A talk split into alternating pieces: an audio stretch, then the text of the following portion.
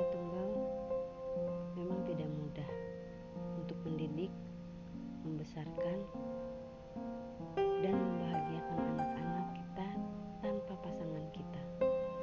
Tapi yakin dan percaya, semua indah pada waktunya.